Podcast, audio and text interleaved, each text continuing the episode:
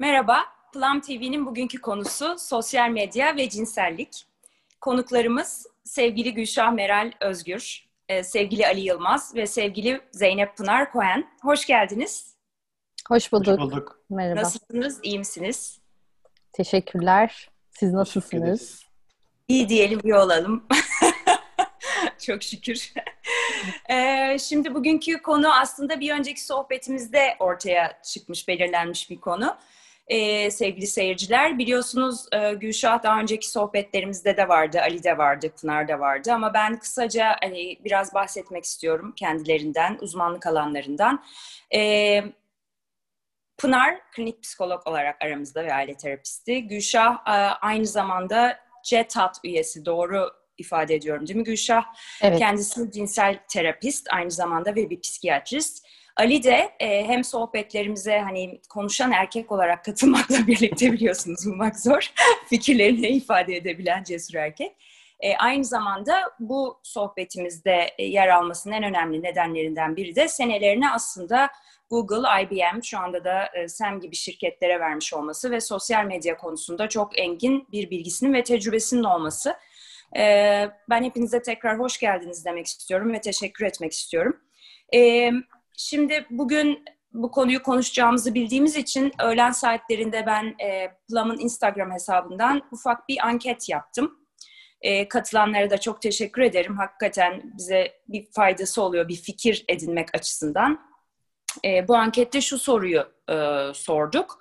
Sosyal medya sizce cinselliği olumsuz yönde mi etkiliyor? Cevaplardan biri evet, diğeri hayırdı. Yaklaşık e, 250 kişi katılmış. Bunların %65'i evet, olumsuz yönde etkiliyor demiş. %35'i de hayır, olumsuz yönde etkilemiyor demiş. Yani burada doğru yanlış yok. Burada herkesin kişisel fikri bu. E, ben sözü ilk başta Gülşah'a vermek istiyorum. Bu sohbetleri yaparken de fark ettiğim bir şey var ki aslında bazı kavramları gündelik hayatta kullanıyoruz ve bildiğimizi zannediyoruz ama ben mesela seks, cinsellik, cinsiyet ki Gülşah'la daha önce bir cinsellik üzerine ayrı başlı başına bir programımız var. Onu yapmış olmamıza rağmen bazı şeylerin bu yaşımda bile oturmamış olduğunu fark ettim. Feynman'ın çok güzel bir lafı vardır. Bir şeyin ismini bilmekle yani teorisi aslında bu. Ya yani onun ne olduğunu bilmek arasında çok büyük bir fark var. Gülşah o nedenle senden öncelikle hani cinsiyet nedir, cinsellik nedir, seks nedir? E, bunları sade bir şekilde tanımlamanı isteyebilir miyim? Tabii ki memnuniyetle. E, cinsellik dediğimiz zaman e, aslında kişinin cinsel olarak haz duyduğu tüm eylemlere diyoruz. Yani burada bir partner olma şartı yok. Zaten o ilk e, sohbetimizde de bunun üzerine özellikle değinmiştim. Çünkü algılanan şey hep bir cinsel birlikteliğin yaşandığı gibi. Ama cinsellik dediğiniz zaman çok e, öz ve sade bir şekilde kişinin cinsel haz duyduğu tüm eylemlere denir. E, seks de aslında cinsellikle çok yakın. Yani bu ikisini böyle çok farklı kavramlarmış gibi e, aslında tanımlamaya gerek yok. E, seks de aynı şekilde kişinin tahrik olar, olduğu, olabildiği, haz duyabildiği cinsel eylemlerin tüm. Yani bunun içinde yakınlaşmak, öpüşmek, e, oral seks, sevişmek tümü varken aynı zamanda da mastürbasyon dediğimiz kişinin bireysel cinselliği de var. O yüzden e, buradaki hani o başta konuşmamız gereken cinsel birleşmeyi herkesin bir cinsellik sanması durumu var. Hayır, cinsellik kişinin tek başına da yaşayabileceği, partnerle de yaşayabileceği, hatta e, birden fazla partnerle de yaşayabileceği bir şey olarak tanımlayabiliriz.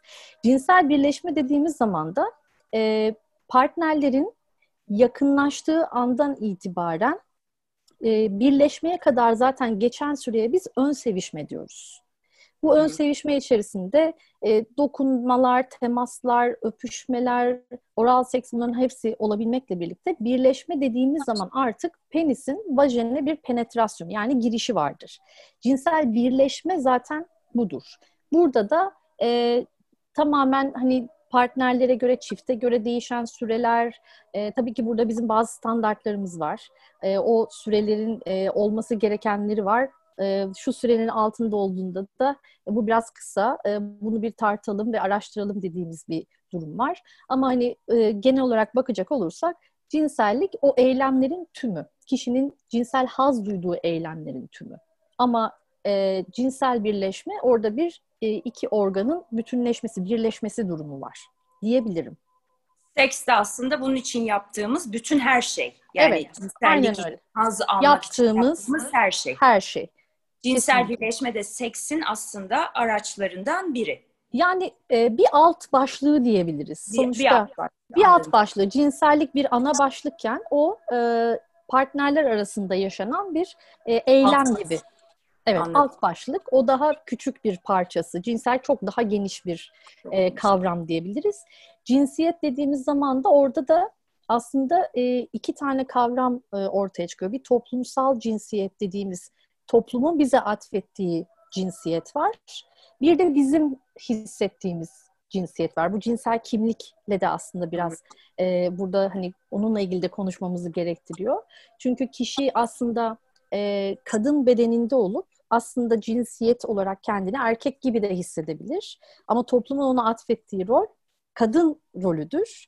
E, o yüzden cinsiyet dediğimiz zaman da burada da bu iki kavram e, önemli hale geliyor. Kişinin kendini hangi cinsiyette hissettiğiyle toplumun ona atfettiği cinsiyet farklılaşabiliyor. Ama kişinin hani kadın veya erkek cinsiyetinden hangisinde olduğunu hissetmesiyle cinsel kimlik ortaya çıkıyor. Ama toplumun atfettiği cinsiyet o olmayabiliyor her zaman. Ee, bir cinselliği yani bu konulara bakarken Google'dan aslında çok hoşuma giden bir şey oldu. Çok detaylı, çok Hı hı. hani güzel bilgiler var aslında. Yani bazı sitelerde hani çok detaylı bir şekilde e, Evet. bazı bilgiler paylaşılmış ve bu çok güzel bir şey. Hani Hı hı. e, bir dönem Wikipedia'nın yasak olduğu bir ülkede bunu görmek bana memnuniyet verdi. Yani ararsan bulabiliyorsun ama tabii şöyle bir şey de olabiliyor. E, bazen yanlış bilgilendirme de söz konusu olabiliyor buralarda. O yüzden ben bir şeyi seninle check etmek ihtiyacı hissettim. Tabii. Cinselliğin bu tanımlarının yanı sıra şöyle bir tanımını okudum. Yani kişinin cinsiyeti vardı burada. Kişinin cinsiyeti, ses tonu, giyimi, saç şekli, yürüyüşü, oturuş şekli, cinsel kimliği, cinselliğinin bir parçası olabiliyor. Bu doğru bir tanımlama mı, yaklaşım mı Yani sence? e, oradaki kişinin e, o eylemi yaparkenki niyeti belki evet olabilir. Yani yoksa dışarıdan bakanın yorumu değil de hani ben orada o kalkışı yaparken öyle bir isteğim varsa evet bu cinsellik yatırımlı bir hareket olabilir. Ama benim öyle bir amacım yok, öyle bir niyetim yokken kalkmış ama karşı tarafın zihninde öyle bir şey oluşmuşsa o biraz e, diğerinin cinselliğini biraz e, işaret eden bir şey olabilir. Anladım. Konu bizde bitiyor yani kişinin Evet. ne yaptığı. Evet, şey. Kişinin niyeti veya amacı oradaki e, isteğinde bitiyor diyebiliriz. Çok teşekkürler. Pınar senin şu aşamada eklemek istediğin bir şey var mı veya aklına gelen Ee, hazır? belki be- şey. e, yok yani tabii ki Ee, e, gayet güzel. Belki şey sadece minik bir not hani biyolojik cinsiyet kromozomal olarak belirlenmiş yani kadın ve erkek doğduğumuzda XXXY, XX'e e, işte kromozom bakımından kadınız. Hı hı. Ee, ve onun dış organlarına ve iç organlarına e, sahibiz. Ee, ve e, erkeksek de işte XY kromozomlarına sahibiz. Cinsel kimlik orada e, e, bunlar her zaman bu şeye uygun olmayabiliyor. Bizim biyolojik cinsiyetimize uygun olmayabiliyor. Eğer e, cinsel kimlik disforisi, huzursuzluğu diye geçiyor öyle değil mi Gülşah sanıyorum? E, eğer öyle bir şey söz konusu ise e, kadın e, biyolojik cinsiyetinde olmasına rağmen erkek olması gerektiğiyle ilgili bir e, beklentisi, davranışı, hayali, fantezisi ve buna göre de bazen e, bir e, cinsel eylemi e, olabiliyor veya tersi e, e, erkek olmasına rağmen ben bir kadın olmalıymışım gibi davranabiliyor. Burada işleri hadi bir parça daha karıştırayım ben çok lazım mı bilmiyorum. E, cinsel kimlik disforisine sahip bir erkek diyelim ki yani kendini kadın e, e, olarak daha rahat hissedeceğini düşünen bir erkeğin yine bu an yani kadınlardan hoşlanması da mümkün. Anlatabiliyor muyum? Evet, aynen Çünkü öyle. burada bazen kafalar şöyle karışıyor. Sen zaten erkektin kadın oldun. Dolayısıyla herhalde erkeklerden hoşlanırsın. Yok öyle değil. Cinsel e, haz e, nesnesi olarak kendine yine dönüştüğü, eğer dönüşürse ona biliyorsunuz transseksüel deniyor. E, e, bu bir ameliyat ve geriye dönüşsüz bir şey olduğu için o da uzunca bir yol. Belki bilmiyorum konumuz dahilinde mi?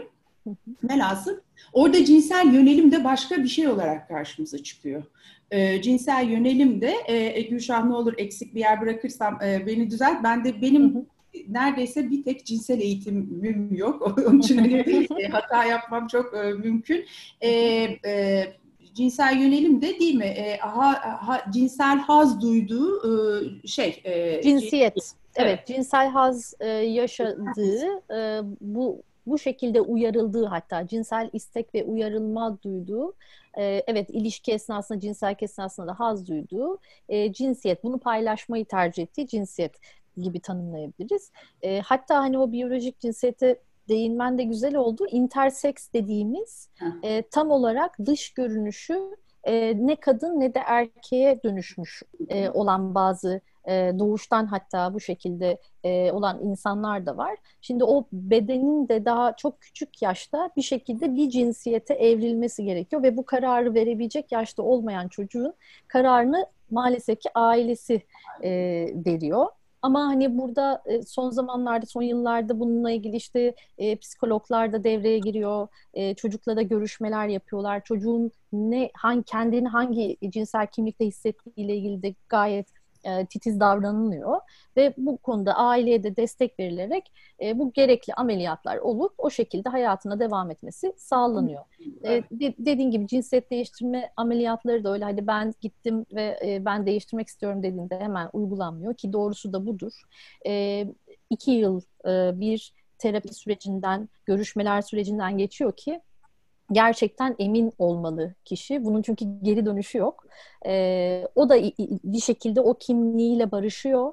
E, çünkü hani ülkemizde bununla birlikte yaşamak, bununla birlikte okumak, bununla birlikte bir işte çalışmak o kadar zor ki. E, o yüzden de hani hem o süreçte ailesiyle, kendisiyle, e, işte sosyal çevresiyle bu konuyu konuşabilir, bu şekilde ifade edebilir hale geliyor. Sonrasında ameliyat zaten e, işin en kolay kısmı. Karar bir verildikten şey, sonra. sorun var. Bir tanesi intersex dediğimiz şey hemofrodite dediğimiz şey mi? Evet, yani, herma, hermof, hermafroditizm. Hermafrodit, tamam. Yani Hı. kadın da aslında hem yani kadın değil bir kişi de aslında hem erkeklik organının hem de evet kadın yani hem vajinanın hem penisin olduğu durumdan bahsediyoruz değil Aynı. Mi? Yani şöyle e, onun da bir sürü çeşidi var.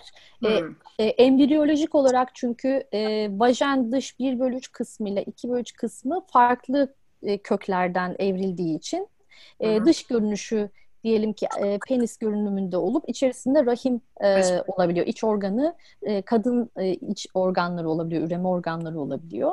E, veya tam tersi de olabiliyor gibi. Yani rahim yok e, ama dışarıdan vajeni var. E, ama içeride üremeyi sağlayabilecek hiçbir kadın e, organı, üreme organı yok. Bu şekilde de olabiliyor.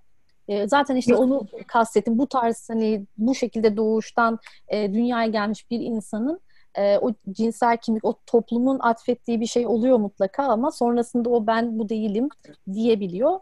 E, bunlar tabii çok hassas mevzular ama e, ülkemizde bu konuda uzman bir sürü de e, işte hem doktor hem cerrah hem genetik konusunda da gerçekten çok deneyimli e, uzmanlar var. E, süreç bu şekilde ilerliyor.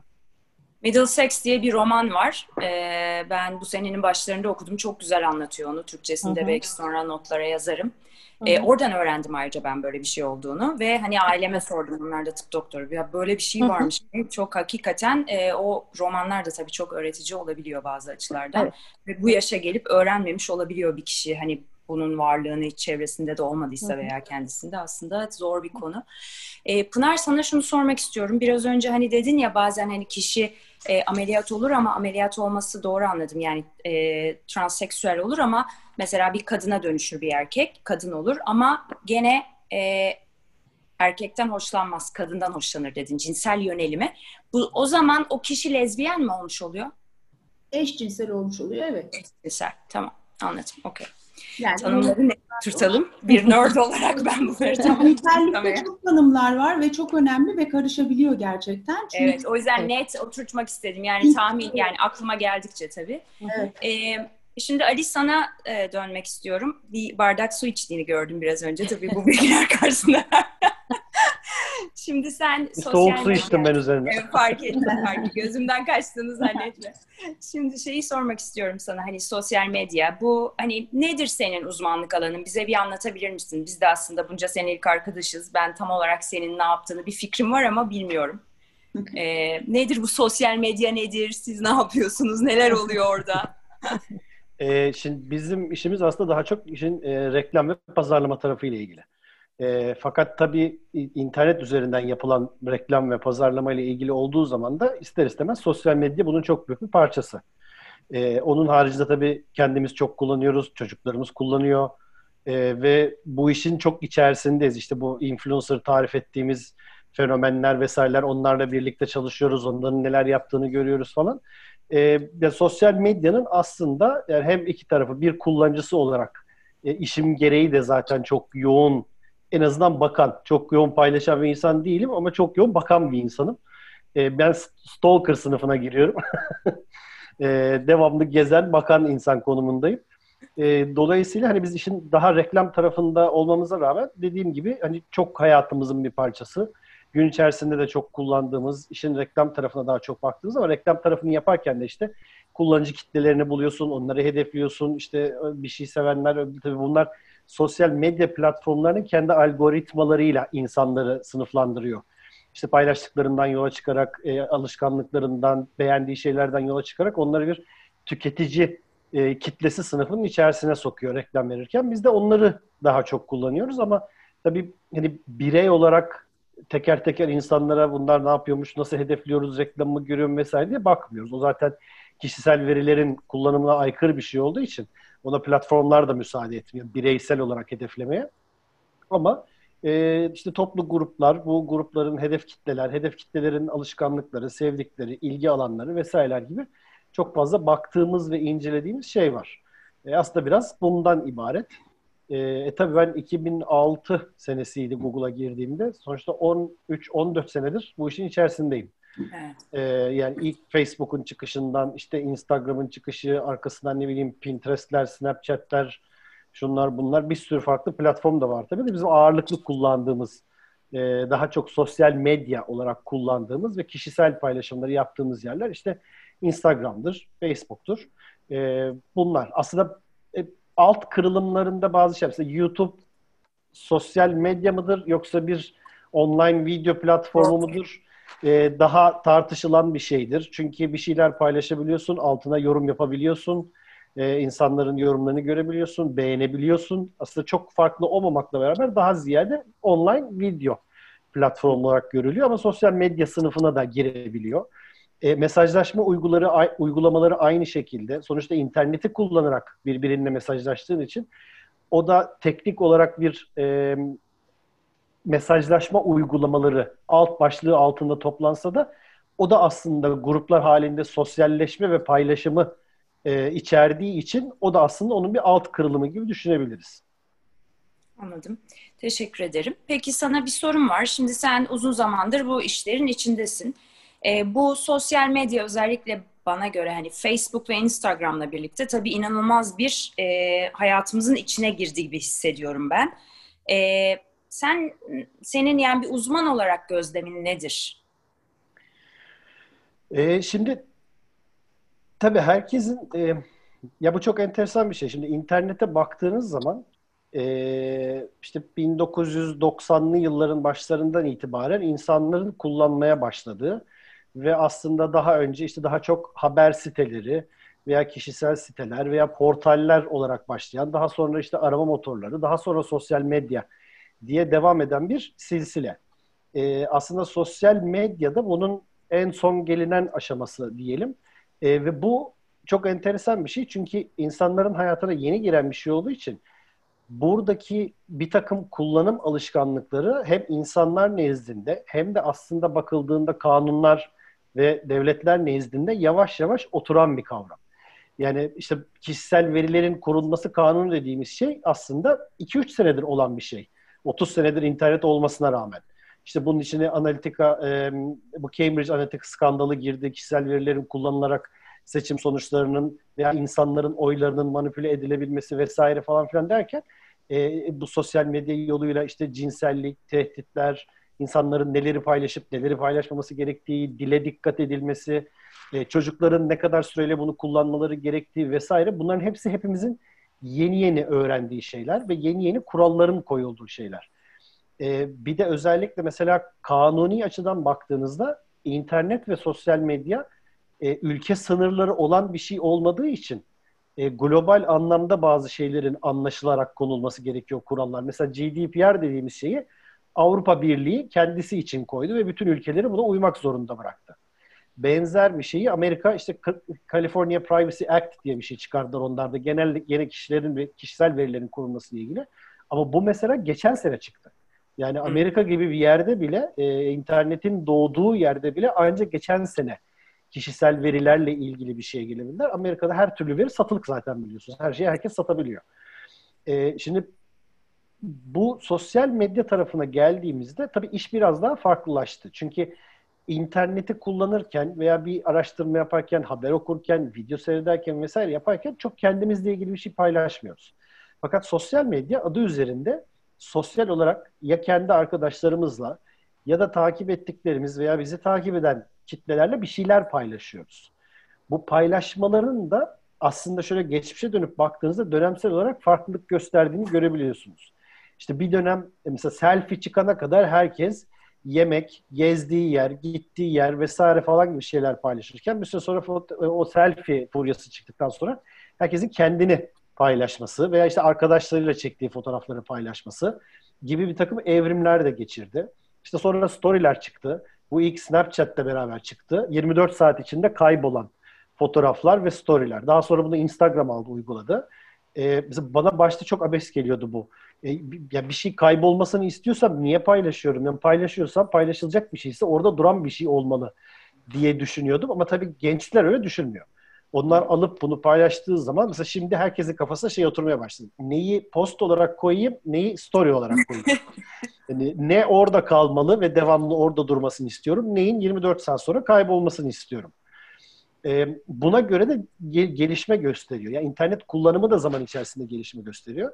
Ee, hatta ülkelerin geçmişine gidip baktığınızda şimdi ben Google'da Türkiye'de ve Singapur'da da çalıştığım için ve işte 2006 senesinde Google Türkiye kurulurken de girdiğim için e, zaman içerisinde bütün ülkelerin adaptasyonlarını görüyorsunuz. Ve her ülke aslında hangi evreden adapte olduğuna göre kullanıcılar çok benzer şeylerden geçiyor. İlk internetle tanıştığında, şimdi atıyorum Amerikalı e, Vietnamlıya göre çok daha önce tanıştı internetle. E, fakat Amerikalıların ilk kullanım şeklini Vietnam'da internet geldiği zaman da ilk kullanım şekli olarak görüyorsunuz. Yani işte eğilim olarak insanlar önce direkt eğlenceye yöneliyorlar. Eğlence ve haber eğlence tüketimi ve haber tüketimi. Daha sonra bilgi tüketimi olmaya başlıyor ve daha sonra araştırma gelmeye başlıyor. İnsanların bunu kullanma şekli. Tabii sosyal medyaya girdiğinizde iş biraz daha farklı. Orayı çok araştırma için kullanmıyorsunuz. Daha çok eğlence ve paylaşım için kullanıyorsunuz. Ee, sosyal medyada hayatımıza böyle girdi. Ee, dediğim gibi herkes farklı kullanabiliyor. Ee, bunu bazılarının profiline giriyorsunuz, bakıyorsunuz mesela hiç insan resmi görmüyorsunuz. Sadece başka şeylerin fotoğrafını çekip güzel gördüğü şeyleri koymaya başlıyor. Bazısına geliyorsunuz sadece kendi resimlerini görüyorsunuz. E, kendisinden başka hiçbir şey koymamış. Yani en fazla bir iki tane böyle köpeğiyle beraber veya bir arkadaşıyla beraber koyduğu fotoğraf var ama sadece kendi fotoğrafları var. İşte birisine giriyorsunuz sadece yemek paylaşıyor. Gittiği yerlerden güzel yemekler çekiyor, onları yapıyor. E, ve aslında baktığınızda sosyal medyanın şöyle bir etkisi var. Hep iyi şeyleri paylaşıyoruz. Yani sosyal medyada çok kötü bir şey paylaşan görmedim. Çirkin bir resmini koyan insan çok fazla görmedim ben sosyal medyada. Herkes güzel resmini koyuyor veya mutlu anını koyuyor. Ee, evet bazen işte böyle vefattır vesairedir falan filan gibi şeyler olduğunda paylaşmak için onu da koyabiliyor insanlar. Ee, bazen sempati duyma ihtiyacı hissedebiliyor veya ne bileyim eskiden mesela şey de çok olurdu. Özellikle Facebook'ta bu olurdu. İşte hastaneye gittim. İşte bilmem ne ameliyatı geçirdim herhalde şey beklentisi var. İnsanlar aa geçmiş olsun desin. e, ona onu paylaşsın. Belki de o onların hoşuna gidiyor. Bir de bu sosyal medyayla işte şey gelişmeye başladı. Şimdi herkes bir şey paylaşabildiği için internetten ve sosyal medyadan önce işte gazetelerde bir şeyler paylaşılırdı, köşe yazıları okunurdu, ünlüler takip edilirdi vesaireydi. Şimdi herkes içerik üreten bir insan haline geldi. Hepimiz bir şeyler üretebiliyoruz. Hepimiz de Plum TV de bunlardan bir tanesi. E, bir içerik üretiyoruz ve bu içeriği çeşitli mecralarda paylaşıyoruz. Herkes aslında bir üretici, bir gazeteci, ne bileyim bir haberci, e, bir yemek uzmanı, bir diyet uzmanı vesaire herhangi bir sevdiği konuda bir şeyleri paylaşır hale geldi. 20 takipçisi olan da var, 200 bin takipçisi olan da var. E, fakat insanlar kendileriyle ilgili bir şeyleri başkalarına gösterme isteği içerisindeler ve bu genelde de pozitif şeyler oluyor. Yani bazısına bakıyorsunuz böyle devamlı hayatı tatildeymiş gibi görüyorsunuz. Halbuki mesela yazın çektiği fotoğrafları böyle iki haftada bir koyuyor ve hep tatil fotoğrafı koyuyor. Zannediyorsunuz ki hep tatilde o. Halbuki değil. Dolayısıyla mesela sosyal medya algıyı da değiştiriyor biraz. Paylaştığımız şeyler bizim yaşadığımız hayatın bir göstergesi de olarak algılanmaya başlıyor. Ee, ve belki de istemediğimiz bir şey de yapıyoruz. Yani paylaşırken bunu düşünmüyoruz. Benim hayatımı böyle algılasınlar diye paylaşmıyoruz belki. Bazen sevdiğimiz şeyleri paylaşıyoruz. Ama insanlar bu sefer onunla ilgili bir algı oluşturmaya başlıyor. E, ve bu paylaşılan şeyler genelde de mesela çok az demeyeyim ama çok benzer insanları kimlerle arkadaş olur? İnsan kendi benzerleriyle arkadaş olur. Kendi benzerleriyle arkadaş olduğu zaman da benzer şeyler e, yaşanan çevrelerde benzer şeyler paylaşılır. Ve aslında böyle küçük de bir fanus da yaratıyoruz e, kendi çevremizde. Ve belirli insanlarla belirli şeyleri paylaştığımız bir dünya oluşturuyoruz. Büyük dünyanın içinde küçük bir dünya daha oluşturmaya başlıyoruz. Yani temel olarak sosyal medyayı hani böyle tanımlayabilirim. Ee, biz Pınar, ben ve Aykut bir sohbette şeyi konuşmuştuk. Çok teşekkürler hele ona bağlayacağım. Hani gö, yani görülmenin değil göstermenin hani olduğu bir çağ demişti Aykut. Pınar hatırlıyor musun bilmiyorum. Evet. Şey, narsisizmi konuşurken. Ee, hani bu selfie aslında eskiden de olan bir şeydi. Hani benim 91'de şöyle fotoğraflarım var. Ne şeyse iki, evet. bir psikiyatrist bir psikolog yanında söyleyeyim yani. şöyle sürekli kendimi çektiğim. E, ama tabii şimdi yani bazı insanlar yapıyor, bazı insanlar yapmıyor.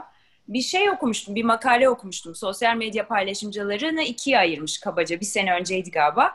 Bazıları presenter hani kendini gösteriyor, ne yaptığını, ne ettiğini. Bazılarında informer, bilgi veriyor. Yani işte e, bir yerden bilgi veriyor, bir konuyla ilgili bilgi veriyor, okuduğu bir şey paylaşıyor falan filan. Tabii çoğu kişi aslında ortası sanırım bunun, bilmiyorum ama ben... E, Ali tekrar teşekkürler. E, şeye dönmek evet. istiyorum. Bugünkü anket e, sonucuna ve sorusuna.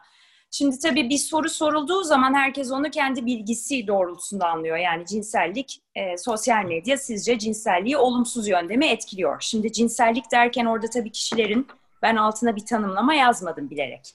Ne anladıklarını bilmiyorum ama cinsellik dediğimiz hani genel olarak bunları kapsarsak ne olabilir cinsellik? Size sorayım ben yorum yapmayayım.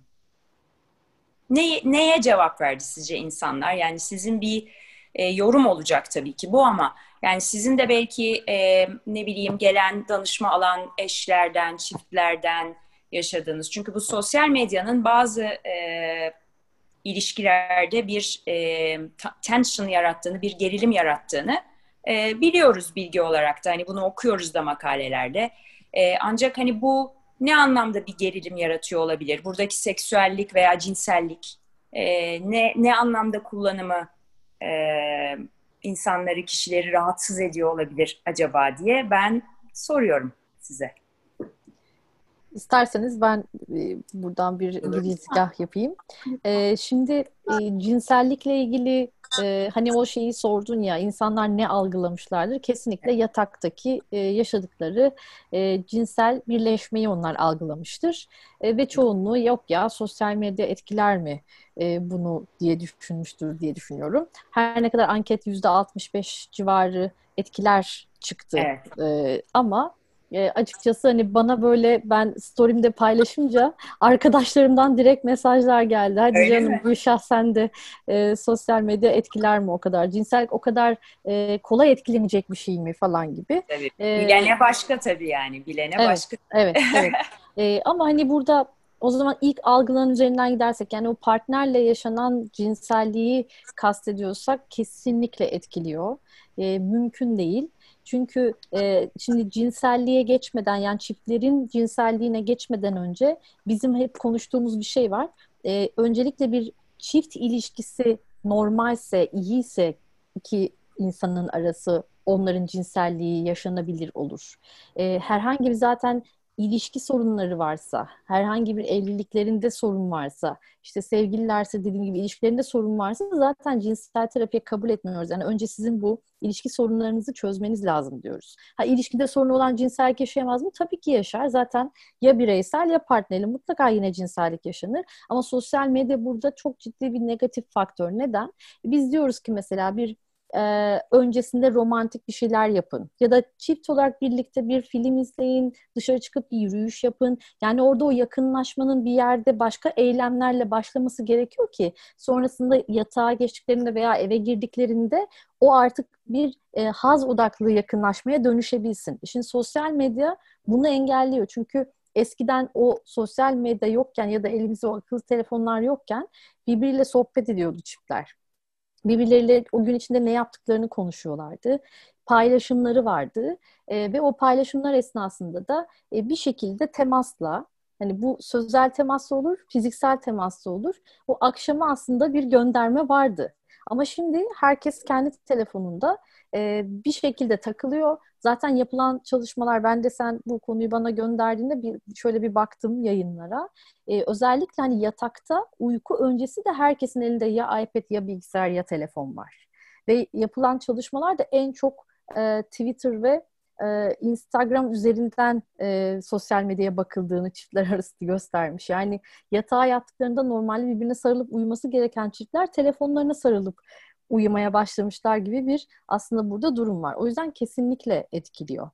Hmm. Çiftlerin e, cinselliğini diyebilirim. öncesi olması ilginç oldu. Geçen gün kendi story'imden paylaştım ben kendi özel. Böyle telefonu koydum. 21. yüzyılın yetişkinler için emziği, pacifier dedim. Yani gerçekten bu dediğin tam ona göre yani. Uykudan önce de ona bakıyorsak eğer hapı yutmuşuz evet. demek. Evet evet aynen. Ee, Bununla ilgili de e, bir birçok çalışma var ve e, özellikle buna parmak basıyorlar. E, bireysel olarak nasıl etkileyebilir dersek aslında e, bir kısmıyla pozitif etkileri de var. Yani o cinselliği konuşamayan, e, cinselliği hani herhangi bir cinsellikle ilgili veri alması imkanı olmayan bazı insanların sosyal medya üzerinden ulaşabilir olması gibi bir durum var. E, bu tabii hani yanlış bilgiler öğrenmesine yol açtığı için dediğim gibi kötü de olabilir ama iyi ve kaliteli bir şeylere denk geldiyse aslında hani ona kimse anlatacak kimsesi olmayan biri için iyi bir şey de olabilir. Ee, sadece hani biraz algılarında negatif bir etki yaratabilir. Yani oradaki paylaşılan sosyal medyadaki işte çok e, seksi vücutlar, çok güzel e, kadınlar, çok yakışıklı erkekler kendi egolarıyla ilgili, özgüvenleriyle ilgili ciddi bir hasara yol açabilir. Ee, bir negatif etkisi bence bu olabilir diye düşünüyorum ben. Geçen programda bir sohbet ederken e, Emre, ben, Pınar ve Ali e, konu işte heteroseksüel iki bir kadın ve heteroseksüel bir erkek çok yakın arkadaş olabilirler miydi konu. Onu konuşurken söz döndü dolaştı zaten bir YouTube'a yazmış sohbet çok dağılmış diye. Evet dağıldı ama sohbet zaten hani sohbet ediyorduk. Şeye geldi e, söz benim e, çok dikkatimi çeken bir şey var dedim. Yani bir lokasyona girdiğimiz zaman açıldığında e, bikinili kadın genelde kadın yani bikinili önden arkadan yandan yani hani bazen ben girip bakıyorum hani bu kadın kim hani bir tanımadığım bir ünlü olabilir bir model olabilir hani ne bileyim öyle biri mi acaba böyle bir fotoğraf koyuyor diye bakıyorum. Yo yani bir sürü normal insan Hani o fotoğrafı kim çekiyor? Acaba kız arkadaşı mı çekiyor? Kocasına, erkek arkadaşına mı çekiyor? O da ayrı bir konu zaten. Hani e, yani tabii belki adamın da hoşuna gidiyor bilmiyorum o da olabilir. Sonra Ali'ye dedim ki bu nedir dedim. Yani ne? O da dedi ki onun arkasında başka bir şey var dedi. Ali şimdi onu paylaşmanı isteyeceğim. Senin o bilgiyi. Ee, yani tabii şimdi bu genelde şeyde oluyor. Atıyorum benim de çok başıma gelen bir şey. O yüzden de dikkat ediyorum. Mesela biri deniz kenarından bir lokasyondan fotoğraf atmış. Çok beğendiğim için lokasyona tıklıyorum burası neresiymiş diye. Lokasyona tıkladığınızda da orada çekilmiş bütün fotoğrafları koyuyor altına. Şimdi o fotoğrafları çıkartırken e, dediğin gibi en başa baktığında hep tek başına bikinili kız fotoğrafları çıkıyor. E, şimdi bunun arkasında tabii bir algoritma var. Daha çok beğenilmiş fotoğraflar, daha insanların baktığı fotoğraflar, belki atıyorum orada daha önce mesela ilk o lokasyonla ilgili fotoğraflar koyulmaya başladığında belki aile fotoğrafları vardı. Belki kedinin, köpeğin, denizin fotoğrafları vardı. Fakat giren insanlar muhtemelen bikinili kadın fotoğraflarına daha çok bakmaya başlayınca algoritma otomatik olarak o fotoğrafları yukarı çıkartmaya başlıyor. Veya o fotoğraflar daha çok beğenilen fotoğraflarsa aynı yerde çekilmiş olan otomatik olarak onu yukarı çıkartmaya başlıyor. Zaten genelde insanların böyle fotoğraflar koymasının sebebi de beğenilme isteği. Yani beğenildikçe orası da daha yukarı çıkartıyor. E, koyan insanın da daha çok hoşuna gidiyor. Benim daha çok beğenim oldu. Bak diyor bu lokasyona tıkladığında ilk benim fotoğrafım çıkıyor diyor. Falan böyle enteresan bir şey var bunun arkasında. Tabii hem algoritma tarafı var. E, hem belki şey de vardır onu bilmiyorum tabii. Bütün algoritmaların çok detayına hakim değilim ama e, o lokasyonda ve o resimle en birbirine benzeyen resim yani görsel bir benzetme kurup belki arka planı birebir aynı yerden çekildiği için benzer fotoğraf olarak direkt onu getiriyor olabilir. Ee, başka mesela bir koyda çekilmiş fotoğraflar ama koyun 20 farklı yerinden çekilmiş fotoğraf varsa fakat çekilen 100 fotoğrafın 90'ı tek bir lokasyondan çekilmiş fotoğrafsa en alakalı fotoğraf ve arka plan burası deyip onları da gösteriyor olabilir. Hmm. Burayla ilgili olarak. Bazen e, bazı yerlerde şeyi sorar. Bunu e, nerede soruyordu hatırlamıyorum. Genelde e, böyle lokasyon e, Google'da çok soruyor bunu. Lokasyonla alakalı yerlerde mesela şeyde bir restorana gidersiniz. Bu restoranı hangi fotoğraf daha iyi anlatıyor diye size birkaç tane fotoğraf çıkartır. Ee, daha önce başka kullanıcıların çektiği fotoğrafları siz onlara bakıp bu restoranı bu daha iyi ifade ediyor diyorsunuz. Sonra oradan zaten bir daha gelenlere o fotoğrafları çıkartmaya başlıyor. Böyle bir algoritma da çalışıyor olabilir bunların arkasında. E, dolayısıyla evet böyle bir etkisi var. Şimdi cinsellik tarafına gelince ben de bir şey yapayım. Mesela bu soruyu sorulduğu zaman benim aklıma farklı bir şey geliyor. İnsanlar neden evet etkiliyor demiş olabilir diye düşünüyorum. Sadece iki kişinin cinselliğini değil, cinsel içeriğe erişim mi çok kolaylaştırıyor. İnternet ve sosyal medya aslında her yaştaki insanın cinsel içeriye erişimini çok kolaylaştırıyor. Mesela insanların rahatsız olmasının bir sebebi de bu olabilir. Evet cinselliği kötüleştiriyor, ya kötü yönde etkiliyor anlamında. E, çünkü belki görmesini istemediğimiz şeyler ortaya çıkıyor. Özellikle gençler için, özellikle ergenler için e, erişmemesi, o yaşta görmemesi gereken şeyler karşılarına çıkıyor olabilir.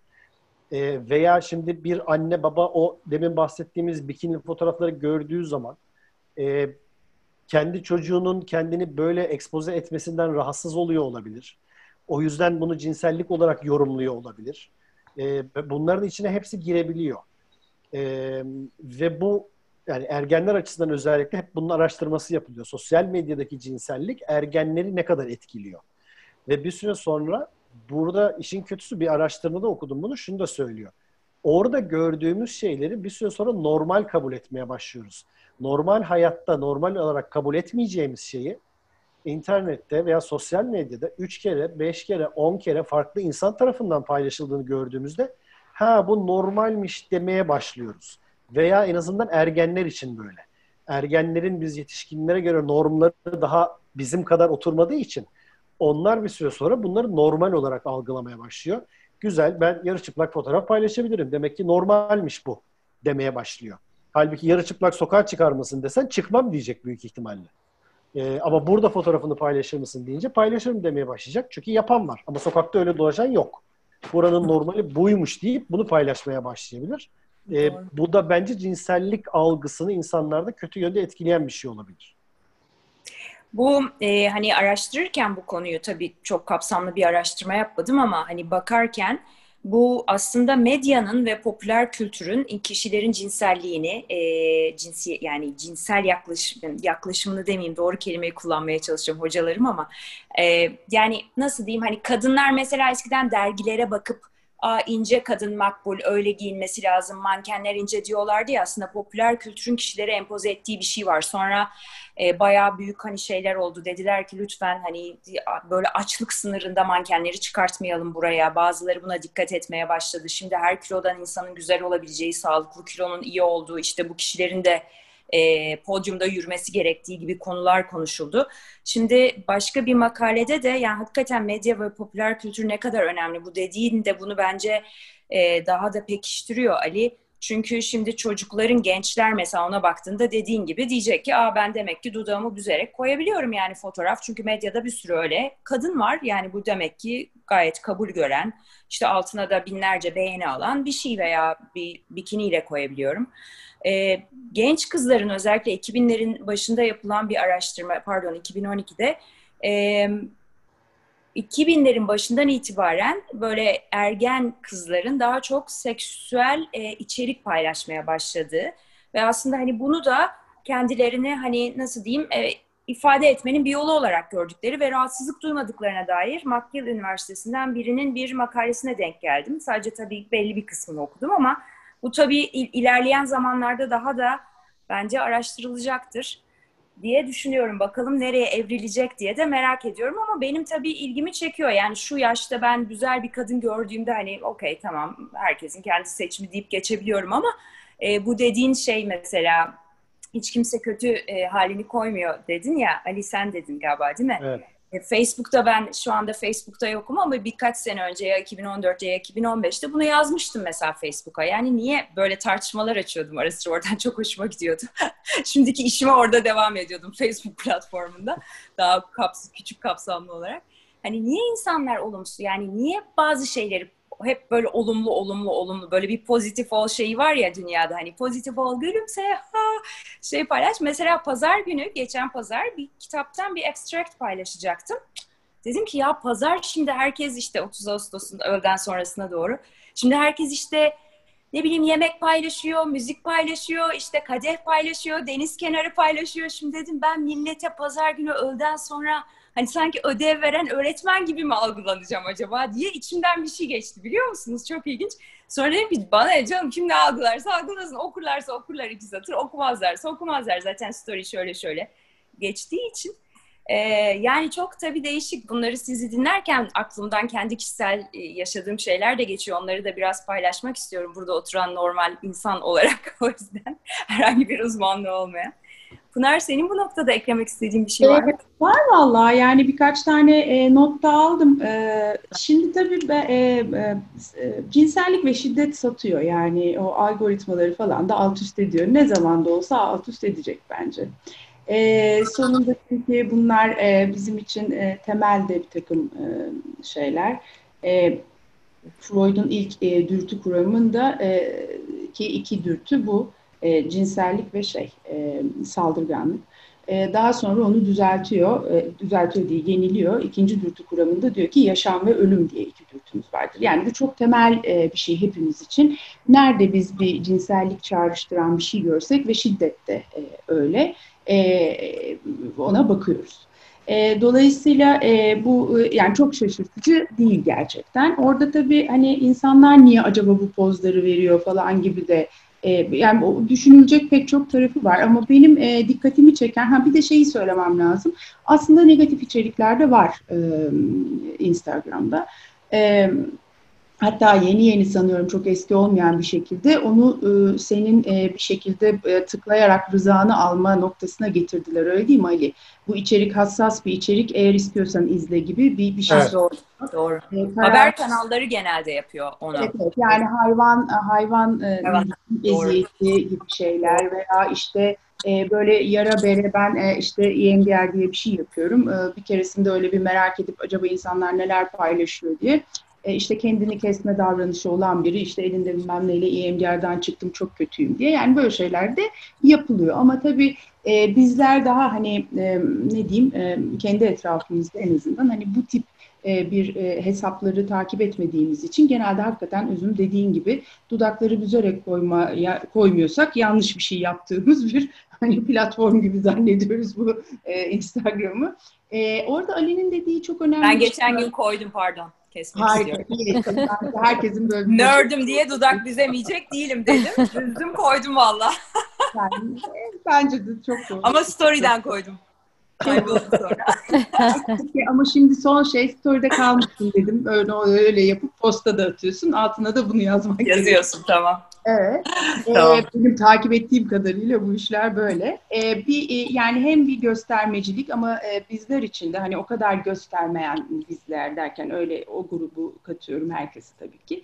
E, biz de gözetlemecileriz e, bilmemiz gerekir ki. Yani buralarda e, hepimizin e, şeyleri var. Hani ne diyelim? Hmm, Yüklendiği bir sorumluluk görev yani sosyal medyadaysa. Hem belki belli bir sapma gibi de düşünülebilir. Yani çünkü e, insan olarak hiç e, değil mi kusurluyuz. Zaten e, hatalarımız e, ya da sapkınlıklarımız da olabilir. Yani minik mikro şeyler diye bahsediyorum ama normalde değil mi? Biri dese ki ya gidip birini gözetler misin şurada özel bir şey yaparken?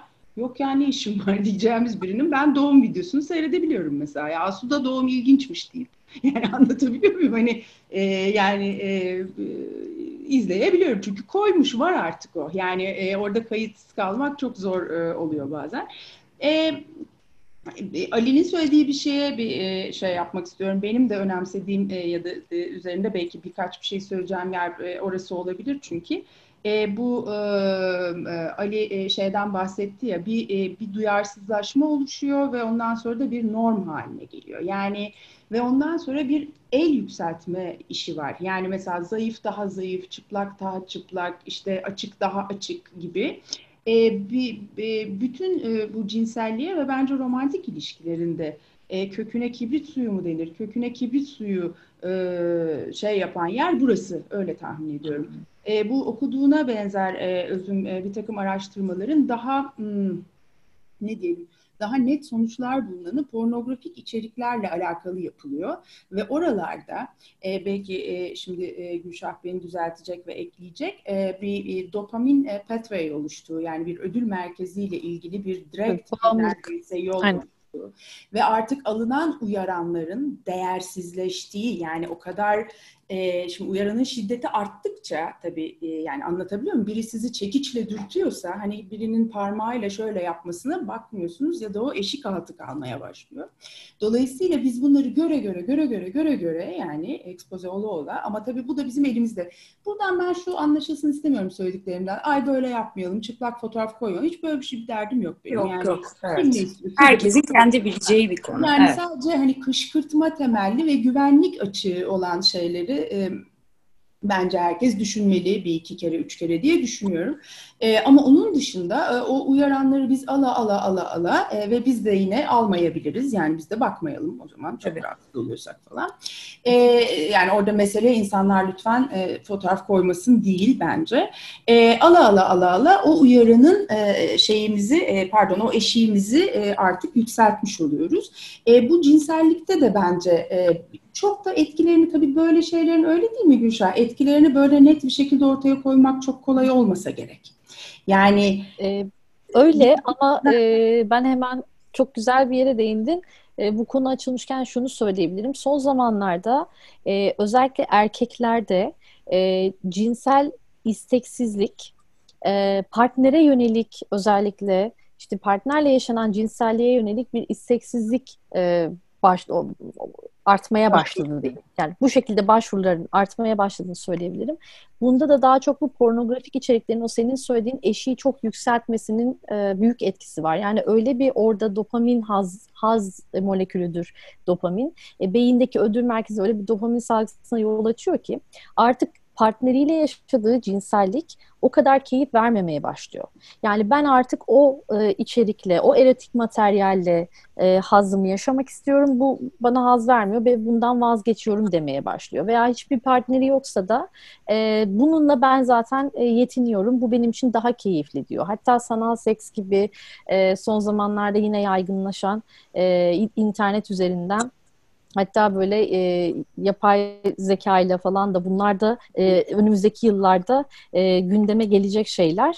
E, bu işte eşiğin artması kişinin diğer e, platformlarda veya diğer partneriyle yaşadığı cinsellikte çok ciddi bir haz duygusundan yoksun hissetmesine yol açıyor. O senin dediğin o çekiç ve e, dokunmadaki gibi bu sefer yani eşik o kadar yükseliyor ki oradan aldığı haz o kadar yükseliyor ki diğer taraf ona keyif vermemeye başlıyor. Böyle bir e, sıkıntısı da var maalesef. Ve son zamanlarda çok arttı. Pınar senin eklemek istediğin bir şey var mı bu noktada? E, yani devam etmek istediğin. Yok, evet yok. Yani e, aynen böyle oluyor. E, dolayısıyla o hızza ve o şeye, o uyaranın şiddetine alışıyoruz. E, duyarsızlaşma oluştuktan sonra da e, işin normali, doğası e, bizi artık çok da tatmin etmemeye başlıyor. Çekici gelmemeye başlıyor. Bizi dinlerken şey gibi düşünmeye başladım. Hani ilişkinin içinde bir üçüncü hani ve hani o bir telefon hani herkesin kendi telefonu. E, hakikaten ben bazen mesela bir yere yemeğe gidiyoruz. Orada bir çift var, bir kadın ve bir erkek. Çok güzel bir yerdeler, manzara muhteşem, yıldızlar, ay falan. İkisi de telefonuna bakıyor mesela ve böyle hani gidip arkadaşlar alıyoruz o telefonları falan demek istiyorum. Hani öyle tatiller olmaya başladı ya öyle restoranlar girince bırakıyorsun falan. Evet. Bence muhteşem bir şey çünkü e, hakikaten şey de çok zor bir şey. Şimdi bazı kişilerin de işleri artık hani telefonu çok kullanıyoruz işte biliyorsunuz. ve bazı kişilerin işleri bitmiyor gerçekten. Yani çok yoğun çalışan insanlar var. E, bunun da kuralları Ali'nin de dediği gibi birçok açıdan yeni koyulan bir şey. Yani e, hani orada hep irade devreye giriyor. Yani saat 10'da bir yemekteyken acil bir e, e-mail geldiyse onu işte sabah 7'ye kadar cevaplamamak e, hani o kişinin kendi iradesine kalıyor veya bazı firmalar bildiğim kadarıyla Ali sen de beni e, bilgin varsa lütfen destekle bu konuda e, böyle belirli aralıklarla hani maili şey hani durdurma saat 10 ile akşam atıyorum 9 ile sabah 7 arasında e-mail gelip gitmesi hani uygun değildir bizde yapılmıyordur gibi evet. ben bazı makaleler okumuştum bununla ilgili olarak evet. ama şöyle bir şey var. Ya da gönderilse de cevap vermek zorunda değilsiniz. Yani Değilsin. kişi o gün uykusu kaçmıştır. Gece bir de bir şeyleri halletmiştir. Ee, ama sen cevap vermek zorunda değilsin. İşte saat akşam e, diyelim 8'den sabah e, 6'ya kadar 7'ye kadar maillere cevap vermek zorunda değilsin falan gibi kurallar koyuyorlar ki öyle olması da lazım. Ama çalışmak isteyen de çalışsın, gönderecekse göndersin. Ona engel koymayalım. Ama o gönderdiği kişi cevap yazmak zorunda değil gibi kurallar var daha çok. Zor bir şey ama o çok. Yani bazı yapılar için hakikaten yani orada hani o kes geliyorsa o e-mail mesela ben kendimden Hı-hı. düşünüyorum. Hani imkanı yok benim onu sabah 7'ye kadar bekletmemin mesela. Bekletirsem uykum kaçar daha da felaket gibi. Yani kişinin yapısına göre de çok değişen şeyler bunlar. Evet. Şimdi sizi dinlerken ve bu anketi düşünürken sizin farklı yorumlarınızı şu geldi aklıma e, ilişkiler aslında hani zaten zor. Hani bir romantik ilişki zaten zor bir durum. Sonra e, kişilerin tabii halleri, tutumları, davranışları giriyor. E, ve hani e, birisiyle konuşurken ötekinin telefonuna bakması hakikaten çok e, bazen şey bir şey yani kesici bir şey. Yani siz bir şey anlatıyorsunuz böyle zor telefona bakıyor. Ve ben hani bildiğim için de işimden de dolayı Hani sen işini bitir sonra devam edeyim diyorum. Mesela bana diyor ki yok yok sen anlat. Ya öyle bir şey yok. Yani sen bir şeyle meşgulken öteki kişini dinleme şansın yok. Yani bilgi olarak bunu paylaşalım. O yüzden hani belki hani ilişkilerde bazı kurallar konuluyor ya romantik ilişkilerde hani e, belki bunların da konuşulması iyi olur gibi bir şey geçti benim aklımdan. Yani biz telefonu ne yapalım yemeğe otururken telefonumuzu yanımıza almayalım gibi hani birbirlerine tabii güzellikle yani bunlar hiç kimseye şart koşulamaz da ortak bir anlayış bulunabilir mi? Bir metod önerecek olsanız siz e, romantik ilişki içerisinde olacak kişilere ne önerirdiniz? Ali sana da soruyorum. Bilemedim. Ee, şu yüzden bilemedim. Şimdi e, bir yandan şunu düşünüyordum. Bu gerçekten hani sofrada e, telefon sadece ilişki değil. Arkadaşlarımızla otururken de oluyor. Ee, evet. Bu anlattığım gibi dünyanın farklı bölgelerinde farklı zamanda interneti farklı kullanımı var derken mesela ondan bir örnek vereyim. Ben Singapur'da yaşarken e, tabii orası hem teknoloji açısından dünyadan çok ileride gidiyor olmasına rağmen orada internet bizdeki gibi laptop, desktop bilgisayarlardan önce cep telefonuyla geldi. E, ve cep telefonu kullanımı bizdekilere göre çok yüksek. Yani bu benim bahsettiğim 9 sene önce herkes çok ileri düzeyde kullanıyordu ve bizde sofrada e, yemek yerken falan cep telefonu bu kadar kullanılmazken orada benim dikkat ettiğim insanlar böyle yemek yerken sohbet ederken bir bakıyorsunuz bir anda herkes birden cep telefonunu eline alıyordu. Sanki böyle Hı. sözleşilmiş bir sosyal medya arası e, verilmiş sohbete gibi. Herkes aynı anda alıyor telefonu eline, bir şeylerini yapıyor, sonra koyuyor, sohbete geri devam ediyor. E, şimdi bu mesela tabii iki kişi bir e, ilişkide iki kişi yemeğe gittiği zaman bu nasıl yapılır, yapılmaz. Yani güzel bir sohbet dönüyorsa zaten kimse telefonu eline alma ihtiyacı hissetmiyor. Yani Ali? gerçekten böyle saatlerce konuştuğum oluyor benim. Hiç telefonu görmüyorum bile ki ben pardon Pınar e, şeyi söyleyeceğim. E, mesela ben telefonumu özellikle kullanımla ilgili bir uygulama yükledim. Kontrol ediyorum. Mesela ben işten dolayı da çok kullandığım için e, uygulama beni obsessed olarak görüyor. E, benim e, şimdi, telefon kullanım seviyem obsession düzeyinde. E, çünkü- Doktorlarımız var burada faydalan hazır. Çünkü iş, iş olarak da çok kullanıyorum. Bu arada şu da oldu. Şimdi işin içerisine şöyle bir şey de girdi. WhatsApp hayatımıza girdiğinden beri yani e-mail'den çıkıp konu WhatsApp'a dönünce herkes her saatte bir şey yazar hale geldi. E, işle ilgili bir anda akşam bir şey geliyor aklına pat diyorsun birine yazıyorsun o da pat diyor cevap veriyor. Sonra bu işte yemekteki şeylere de gitmeye başlıyor. Kimin nerede olduğunu düşünmeden yazıyorsun. Belki ben sevgilimle, eşimle yemekteyim. Ee, bir anda pat diye mesaj gelince bakma ihtiyacı hissediyorum. Karşıdaki de bu sefer ulan niye cevap vermedi diye düşünüyor. Halbuki bir şey bir şey yapıyor olabilirim. Bu da etkiliyor. Buyur Pınar bir şey söyleyecektim. Ya aklıma şey geldi, komik bir şey yani söylemesem de olurdu da acaba senin aralarında olmadığın Singapur'da bir WhatsApp grupları vardı da hepsi aynı anda. Olabilir. Benim hakkımda yazışıyorlardı belki. Ali'yi gene şaşırtalım aynı anda yapalım. Şey. Allah Allah bunlar sözleşmiş gibi ara veriyorlar düşünürken acaba böyle bir ortak bir net üzerinden senin dahil olmadığını Şimdi çok komik bir yere geldi bu gerçekten. Ee, her şey için kullanmaya başlayınca özellikle de bu salgın döneminde şimdi bizim çocukların okuma kitapları tatilde e, online veriliyor. iPad üzerinden okuyorlar. E, derslerini iPad üzerinden yapıyorlar. Sınıfa götürüyorlar. Oradan çalışıyorlar.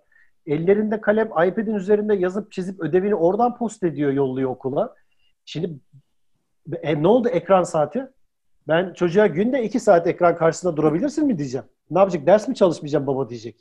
Veya onun ne yaptığını nasıl kontrol edeceğim? Ben kitap mı okuyor, sosyal medyada mı geziyor, YouTube'da video mu seyrediyor? Bilmiyorum ki.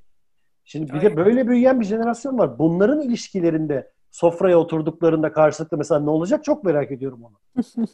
Yok onlar bir ve oradan yazışacaklar işte birlikte. Onlar öyle zaten yani. Sofraya da oradan oturacak onlar. Oradan oturacaklar. Tabii ben zaten WhatsApp'a komşuculuk dedim. 2017'de bizim bir grubumuz vardı. Bir ara çok kolejden böyle 7 kişi.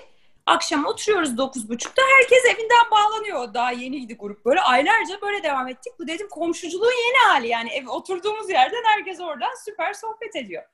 Ama olabilir yani bilmiyorum bizi yavaş yavaş Ali acaba böyle evlere tıkıp telefonları verip herkesi hücreleri mi kapatacaklar? Hani Közbay diyor ki burası bir laboratuvar şimdi deneyin o safhasına geçtik yani ara sıra. Hani üşüttüğüm için hafif empati. Ee, onlar da aklıma gelmiyor değil.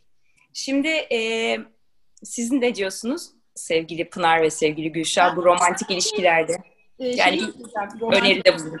Romantik ilişkilerden evvel ben yaşadığım dönemden e, ve gelinen yani bu teknolojik gelişmeden çok hakim olamasam da aslında hiç memnunsuz değilim. Yani e, tabii telefonlara girmesi yani telefonlar artık birer dünya haline geldiler gerçekten. E, yani ben elime alıp şuna bir bakayım derken ha bir de şuna mail atayım şuna da artık cevap yazayım ayıp olmuştur öbürü de beni e, mention etmiş ona da bakayım yarım saat geçiveriyor yani.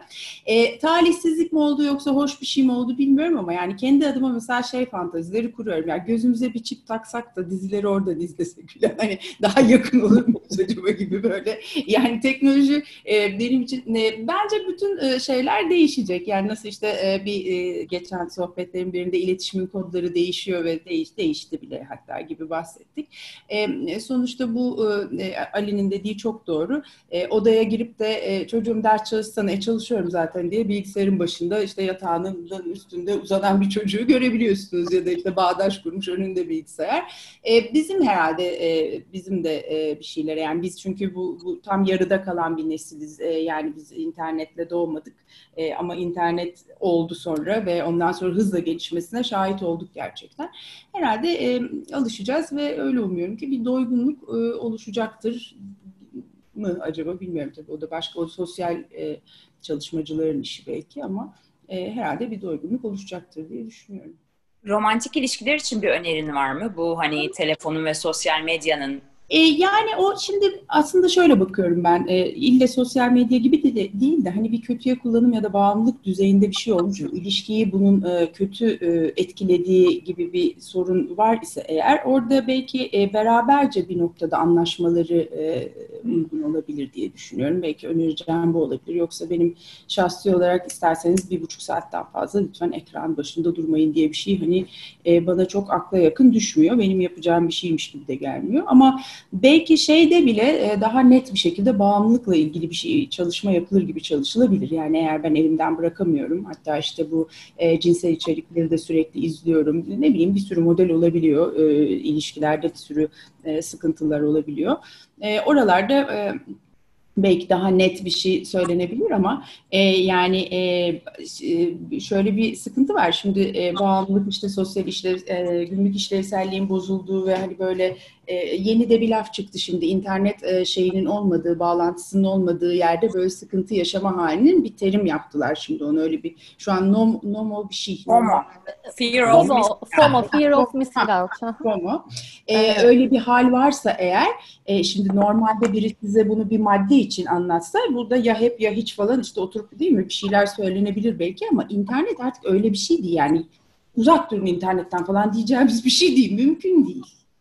Ee, onun için e, o o e, o çiftin uzlaşması bence orada kıymetli. E, bu tabii ki konuşulabilir diye düşünüyorum. Bu önerilebilir. Tabii yani uzlaşamıyorlarsa da bir destek alabilirler birinden belki. Çünkü bir taraf her olayda olduğu gibi kabul etmeyip öteki taraf bir sorun görüyorsa ve halledemiyorlarsa Evet.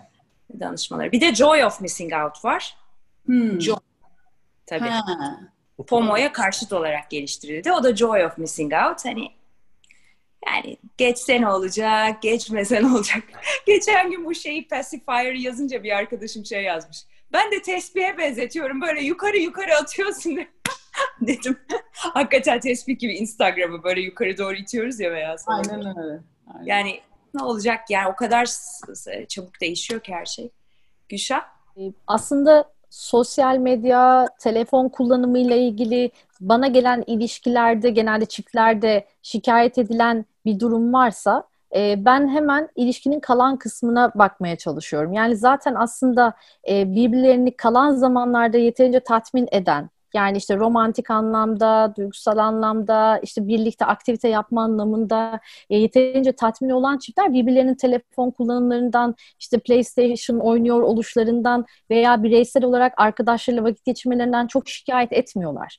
Yani burada mevzu benimle geçirdiği vakitten çalıp ona veriyorsa sıkıntı oluyor gibi bir durum var. Zaten böyle olduğunda da e, bunun işte bir orta yol bulunması lazım dedi Pınar güzel söyledi. Yani kendi aralarında bunu işte bir çözmelerini sağlamaya çalışıyoruz. Ama hani bir tanesi gerçekten bir bağımlılık seviyesinde telefon, internet, e, bilgisayar üzerinde sürekli vakit geçiriyorsa e, onunla bireysel görüşmede bunu biraz detaylandırıyoruz. Yani e, nedir, orada vakit geçirdiği şeyler nedir e, veya ilişkideki eksikler nedir? Onun adına biraz o tarafı e, öğrenmeye ve oradaki eksikliği sonrasında biraz tamamlamaya yönelik e, ödevler vermeye, e, tavsiyelerde bulunmaya çalışıyoruz.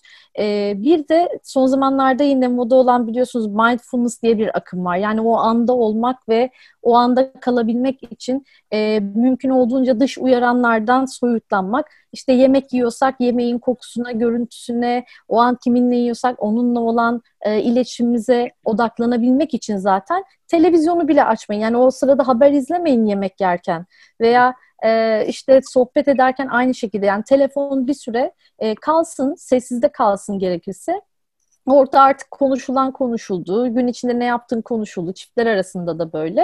Ve sonrasında artık ya ben bir kontrol edeyim bir mail gelmiştir, bir şey olmuştur. Yapılabilir bunlar zaten. Yani benimle önce bir ilgilen de sonra benimle ilgilendiğinde ben tatmin olduğum zaman yeterince sonra Zaten. telefonla eline alabilirsin. Zaten diyor birçok e, partner bunu bu şekilde ifade ediyor. Yoksa benim yerimi alıyorsa işte orada bir sıkıntı var. Şey gibi oluyor. Kuma istemeyen Aynen ilişkideki olmuş üçüncü oldu. kişi Üçüncü oluyor. kişi gibi oluyor. Aynen öyle. O yüzden de bu istenmediği için aslında daha çok sorun yaşanıyor. Kalan kısmında tatmin varsa çok da problem olmuyor. Seni dinlerken aklıma çocuklarla alakalı bir araştırma geldi. Ee, akşam yemeklerini en az bir öğünü aile arasında birlikte hani herhangi bir uyaran Kesinlikle. olmadan yiyen çocukların ileriki yaşlarda depresyon, anksiyete gibi e, etkilerinin azaldığına dair bir şey okumuştum ben. Bir Ee, çalışma var, bağımlılık da böyle. Yani Heh, özellikle e, bir öğünü ve akşam yemeği daha çok hani tabii tercih edilir. Evet. Herkes artık evde. Aileyle birlikte yemek yiyen çocuklarda bağımlılığın da çok daha düşük görüldüğü. Obezitenin de keza bununla ilgili çok çalışma yapılıyor. Obezitenin de ekran önünde çok yenildiği ve beynin almadığı. Evet. Ee, şimdi başka bir soru geldi aklıma. Onu sizinle paylaşacağım. Ee, şimdi mesela ben romantik bir ilişki içerisindeyim. Bir mucize olmuş. Oturuyorum böyle. E, Ondan sonra e, güzel bir, çok güzel bir romantik komedi seyrediyoruz sevgilimle. Telefonu da yanda duruyor. Hop bir tane bir birisi işte Instagram'dan arkadaşlarından biri bir böyle öpücük gönderen veya işte yani ne diyeyim çıplak olabilir, bir şey olabilir, bir yeri gözüküyor olabilir işte bir fotoğraf gönderdi diyelim ona. Şimdi bu e, bildiğim kadarıyla sexting değil mi?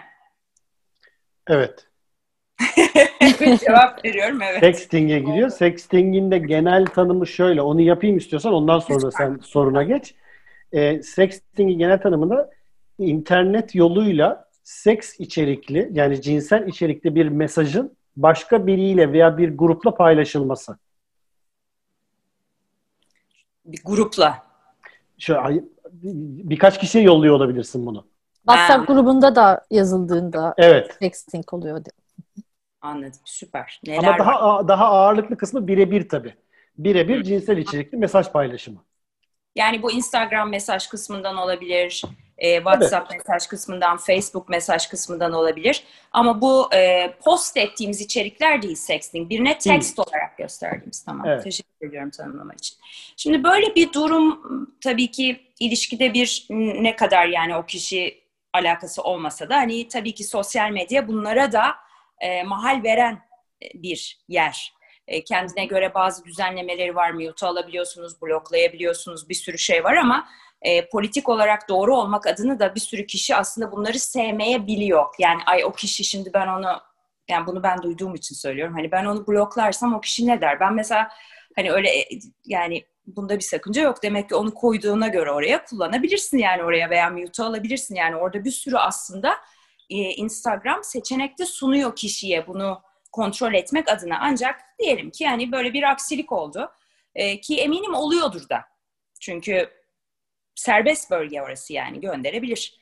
E, bu tip durumlarda şimdi ne önerirsiniz şey bir soru olacak ama yani bu tip durumlarda çiftler eminim bunları yaşıyorlardır ve e, karşıdaki kişi ne anlatırsa anlatsın bir tatsızlık ol- olabilir tabii böyle bir durumda. E, yani orada mutlu mutlu otururken birden hani Allah Allah gibi bir şey oluyor. E, ne yani ne öneriyorsunuz bu tip durumlarda veya hani bu sexting geldi diyelim. Kadın da baktı dedi ki ben de baktım dedim ki aa bu kadın gönderiyor. Ben ne yapayım orada mesela? Erkeğimi daha şey olmak için, gözüne girmek için değil. Telefonu kıralım. Fazla da uzatmayalım bununla ilgili. Ya şimdi ben bunun birkaç tane ha, pardon. Ay pardon Ali. Yok yok lütfen devam et.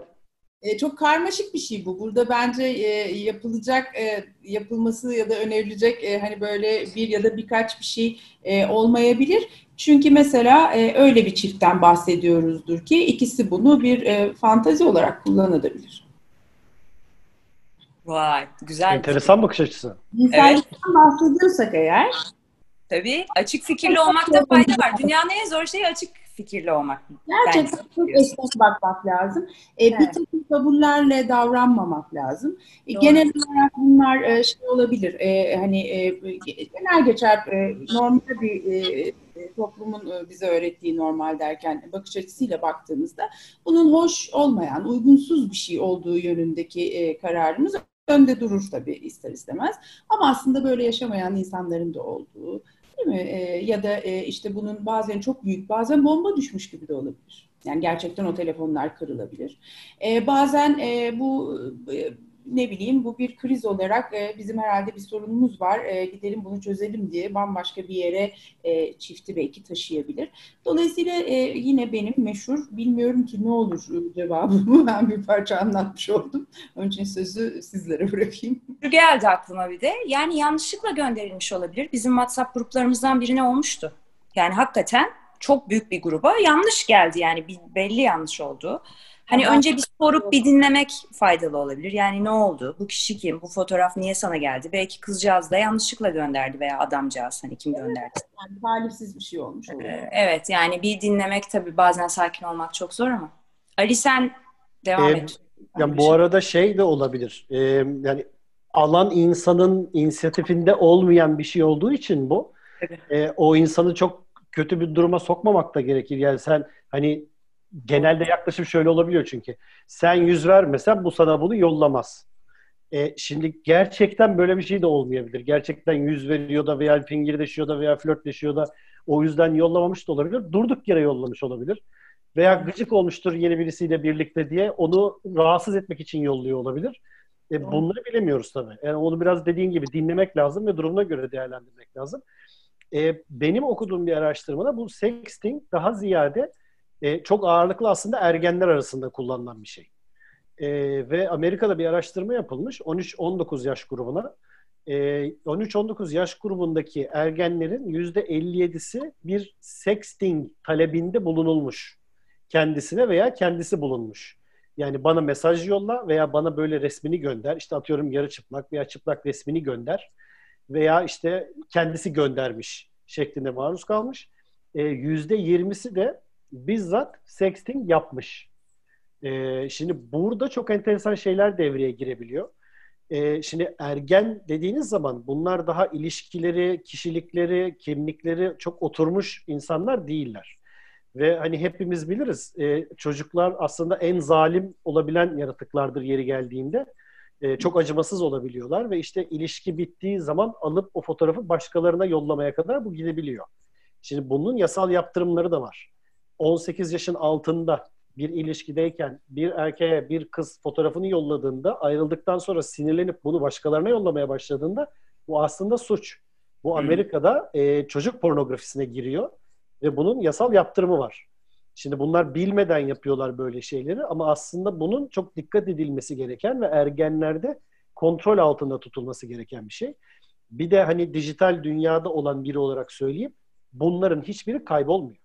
İsterseniz yollayan olarak silin, isterseniz alan olarak silin. Bunlar birilerinin sunucularında bir yerlerde tutuluyor.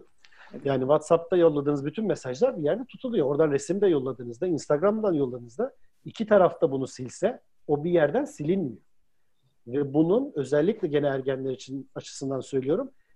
İş, ileriki hayatta işe başlayacağı zaman vesaire yapacağı zaman artık şirketler dönüp sosyal medya hesaplarına bakıyorlar. Evet e, ne paylaşıyor, nasıl bir insan, ne yazmış vesaire diye onların kişilikleriyle ilgili bir takım fikir edinmek için bunlara bakıyorlar.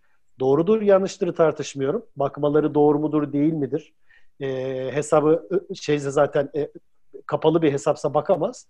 Ama açık olan yerlerde bunu bakıyorlar ve kontrol ediyorlar. Dolayısıyla bunları da çok dikkat ederek yapmak lazım. Hem sosyal medyada hem mesaj mesaj paylaşımında bu tip şeylere çok dikkat etmek lazım. E, tabi bu benim baktığım tamamen ergenler açısından ve onların gelecekteki iş hayatını veya okul hayatını etkileyebilmeye, hatta kişiliklerini etkileyebilme, hatta yaptıklarının suç olduğunu bilmeden suç işleyebilme diye engellemek açısından o bağlamda anlattığım bir şey. Tabii sonra da pişmanlık duyabilirler. Yani bunu tabii velilerin şu aşamada komünike etmesi gerekiyor onlara. Çünkü bizim evet. 18 yaş üstü biliyorsunuz. şey e, bir dizi bir belgesel karşıma çıktı geçen gün Netflix'te. Adı Connected herhalde ba- bağlıyız hepimiz birbirine. Daha ilk bölümündeyim. Orada diyor ki e, Milan'daki bir sergi gezmeye gidiyor. Bir scientist, bir bilim adamı anlatıyor e, sunucu. Belki vaktiniz olursa sonra bakarsınız. Ben de, ben de daha başındayım. Aynen dediğine benzer bir şey olarak sergiyi anlatan kişi kadın diyor ki küratör Burada diyor bütün diyor resimler var. Şu ana kadar medyada paylaşılmış, sosyal medyada bütün ünlülerin resimleri. Ama diyor eğer siz de fotoğrafınızı koyarsanız oraya sosyal medyaya bu aradan çekilip hani bir e, kullanılabilinilir. Yani buna bakılabilinilir, araştırmalar için kullanabilir, algoritma için kullanılabilinilir. Yani siz bir kere oraya o fotoğrafı koyduysanız diyor, zaten hani yani oradaki bütün o kişisel verileri koruma kanunu falan hiç bence öyle bir çalışmıyor yani anladım. Sen Şöyle, şimdi kişisel verileri koruma kanunu şurada devreye giriyor. Şimdi izinsiz kullanımla alakalı bir şey bu. Sen bir sosyal medya sitesini kullanırken onun şartlarını kabul etmişsen ve hmm. onun şartlarının içerisinde benim burada paylaştığım işte atıyorum Facebook tarafından şurada kullanılabilir. Google tarafından burada kullanılabilir kısmını imzalayıp o kon, o şeyleri sözleşmeyi kabul etmişsen kullanabilir. Ama sen bunu sen bu sözleşmeyi kabul etmiyorsun. Şimdi okullarda da sorarlar. Çocukların evet. okullarda çektiğimiz fotoğraflarını e, şeyde kullanabilir miyiz diye. Broşürlerde vesairelerde evet. diye. İzin almadan kullanamaz. Ama evet. izni sen vermiş olabilirsin bu arada. Ona dikkat etmek lazım. Anladım. Gülşah senin? Şöyle ki e, sextingle ilgili tabii e, orada Ali hassas noktalardan bahsetti. E, ama biz cinsel terapide sexting'i bir e, aslında tedavi yöntemi gibi de kullanıyoruz. Hangi vakalarda? Daha çok cinsel isteksizlik vakalarında. E, çünkü o ne kadar fazla uyaran biz onlara gönderirsek o kadar çok o isteğin uyanacağını düşünerek e, partnerlere diyoruz ki gün içinde sexting yapın. Hatta bazen bunu e, fantezi üzerinden işte o bir cümle kuruyor. Ee, diğer partner de devamını getiriyor. Kendileri arasında böyle bir hikaye yazıyorlar gibi. Ya o fanteziyi süslüyorlar gibi. O bir şey katıyor gibi oluyor. Ee, tabii bu işte bazen fotoğraf da olabilir diyoruz. Sexting dediğim gibi biz e, çiftler arasında bir cinsel isteksizlik vakalarında tedavi yöntemi gibi de kullanıyoruz. Yani oradaki müdahalelerden biri olarak kullanıyoruz diyebilirim. Aslında çok da biraz böyle e, hani kötü de değil. Tabii. Evet canlandırmak yani, için. Yani çünkü yazı bazen daha kolay ya bir kişiyi görmeden bir şeyleri yazmak ve ifade etmek. Biraz önce de konuştuk onu. E, Pınar söyledi sanırım hani görmediğimiz zaman daha rahat istediklerimizi söyleyebiliyoruz veya sen de söyledin sonra hani bir sıkıntı olduğunda bazen e, bu iyi olabiliyor diye. Anladım tabii neyi nerede yaptığımız bu hayatta çok önemli. Niye kiminle, kim kimle nerede ne yaptı konusunda dikkatli olmakta fayda var. Ne yapıyor? Dermişim ne yapıyor. Ee, çok teşekkür ediyorum sizlere. Çok güzel bir sohbet oldu. Yani ben böyle gene havada ve ortada kalıyormuş gibi hissediyorum kendimi. Ee, yeni sohbetlere konu açması açısından da bu hissi seviyorum açıkçası. Çünkü hani hep öyle oluyor biliyorsunuz. Hani böyle izleyip izleyip aa şunu da konuşalım çıkıyor. Ee, ancak süre söz konusu olduğu için yavaş yavaş e, toparlamak istiyorum. Sizlerin son olarak eklemek istediği bir şey var mı acaba? Veya söylemek istediği veya önermek istediği? E, yani mağduriyete yol açabilecek hani bu e, sosyal medyada cinse, cinsellik, e, cinsel içerikli şeylerin paylaşımı ile ilgili e, mağduriyete ya da sonrasında e, e, istismara açık bırakabilecek e, şeyleri umarım daha dikkatli olur insanlar yoksa hani herkes ne istiyorsa onu yapsın diye düşünüyorum bir parça.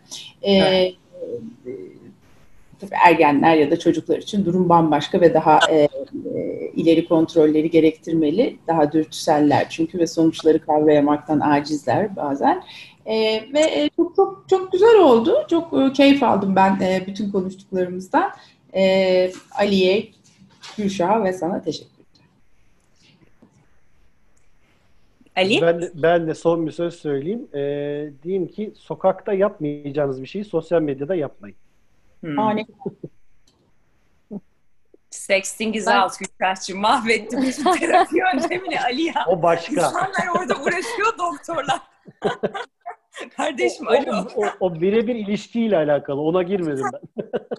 Sosyal medyada paylaşım olarak konuşuyorum genel olarak. Paylaşımın kuralı bu. Romantik ilişkilerde sokakta ne bileyim bir süre el ele tutuşulur, öpüşülür. Tamam öpüşün o zaman sosyal medyada. Kes Mehmet kes şaka şaka. şaka yapıyorum Mehmet kesme. Burası özgür bir mecra konuşabiliriz. Anladım. Sokakta yapmadığınızı sosyal medyada yapmayın diyorsun. Evet. Ali. Tamam. Teşekkür ediyoruz evet. efendim. Ben de bu keyifli sohbet için herkese çok teşekkür ediyorum. Ee, ben de az önce hani bu fotoğraf geldiğinde ne yapılmalı da hani hmm. dendi ya e, bir önce bir sormak lazım. Bunu aslında evet. sadece bu tarz bir mesaj geldiğinde değil, e, bir şey olduğunda yani bir dakika, e, önce bir bunun sebebini anlamalıyım diye. Yani sadece ikili ilişkilerde de değil, arkadaş ilişkilerinde, sosyal ilişkilerde, ailemizle ilişkilerde de ön yargılı olmadan, zihin okumadan bir dakika şimdi hani ne oluyor? Biz bunun evet. sebebini öğrenmeliyim diyebiliyor olmamız lazım. Bunu her e, ilişkimizde e, dikkat ettiğimiz bir şey olarak belirlememiz lazım diye tavsiyede bulunmak istiyorum. Bu çok güzel bir şey. Geçen gün e, birinin sözü bu aslında. Get curious, not furious diyor. Yani önce bir meraklı ol, bir efkelenme önce bir merak et orada ne oluyormuş diyor. O kadar çünkü hep kodlanmış durumdayız ki birçok şeye maalesef. Evet. Ama bunların hepsi işte Plum'un deyimiyle hayat antrenmanı gerektiriyor. Biraz bazı çalışmalar gerektiriyor, biraz kafa yormak gerektiriyor ve biraz durup hani ne yapıyorum, ne ediyorum. Ee, şimdi sizi aslında biraz önce karışmış gibi hissettim ama bu son sözlerinizi söylerken böyle içimde bir netlik oluştu. Ee, şimdi aslında biz sosyal medya bizim için hem eski hem çok yeni bir şey ve aslında yavaş yavaş öğreniyoruz ve herkes de kendi yollarını buluyor. Ve bunu hani belki insanlar cinselliği burada kötü bir şey olarak görüyor ama mesela Pınar'ın söylediği, Gülşah'ın söylediği, Ali'nin söylediği aslında burada çok, çok hani e, bunu alıp hani işin juice'u olarak da tadı tuzu olarak da kullanma şansımız var. Yeter ki o ilişkinin iyi olduğuna bir bakalım, emin olalım. Hani romantik ilişkide de onu anlıyorum. E, ve hani uzmanlar var, terapiler var. Artık bu hani çaresiz bir dert değil. E, okurken araştırmada hani birisi şey bir video seyrederken güzel bir şey söylüyor ve ben ona katılıyorum. Hani seks dünyanın en güzel şeylerinden biridir aslında diyor. Yani hani güzel bir şey. E, ve bunun hani tadını çıkarmak için tabii ki her işte olduğu gibi biraz emek vermek gerekiyor ilişkiye en başta. E, ve bunlar da aslında onun nüansları diye düşünüyorum. E, hepinize çok çok teşekkür ediyorum. Umarım izleyenler de keyif almıştır. E, güzel bir akşam diliyorum. Allah'a ısmarladık.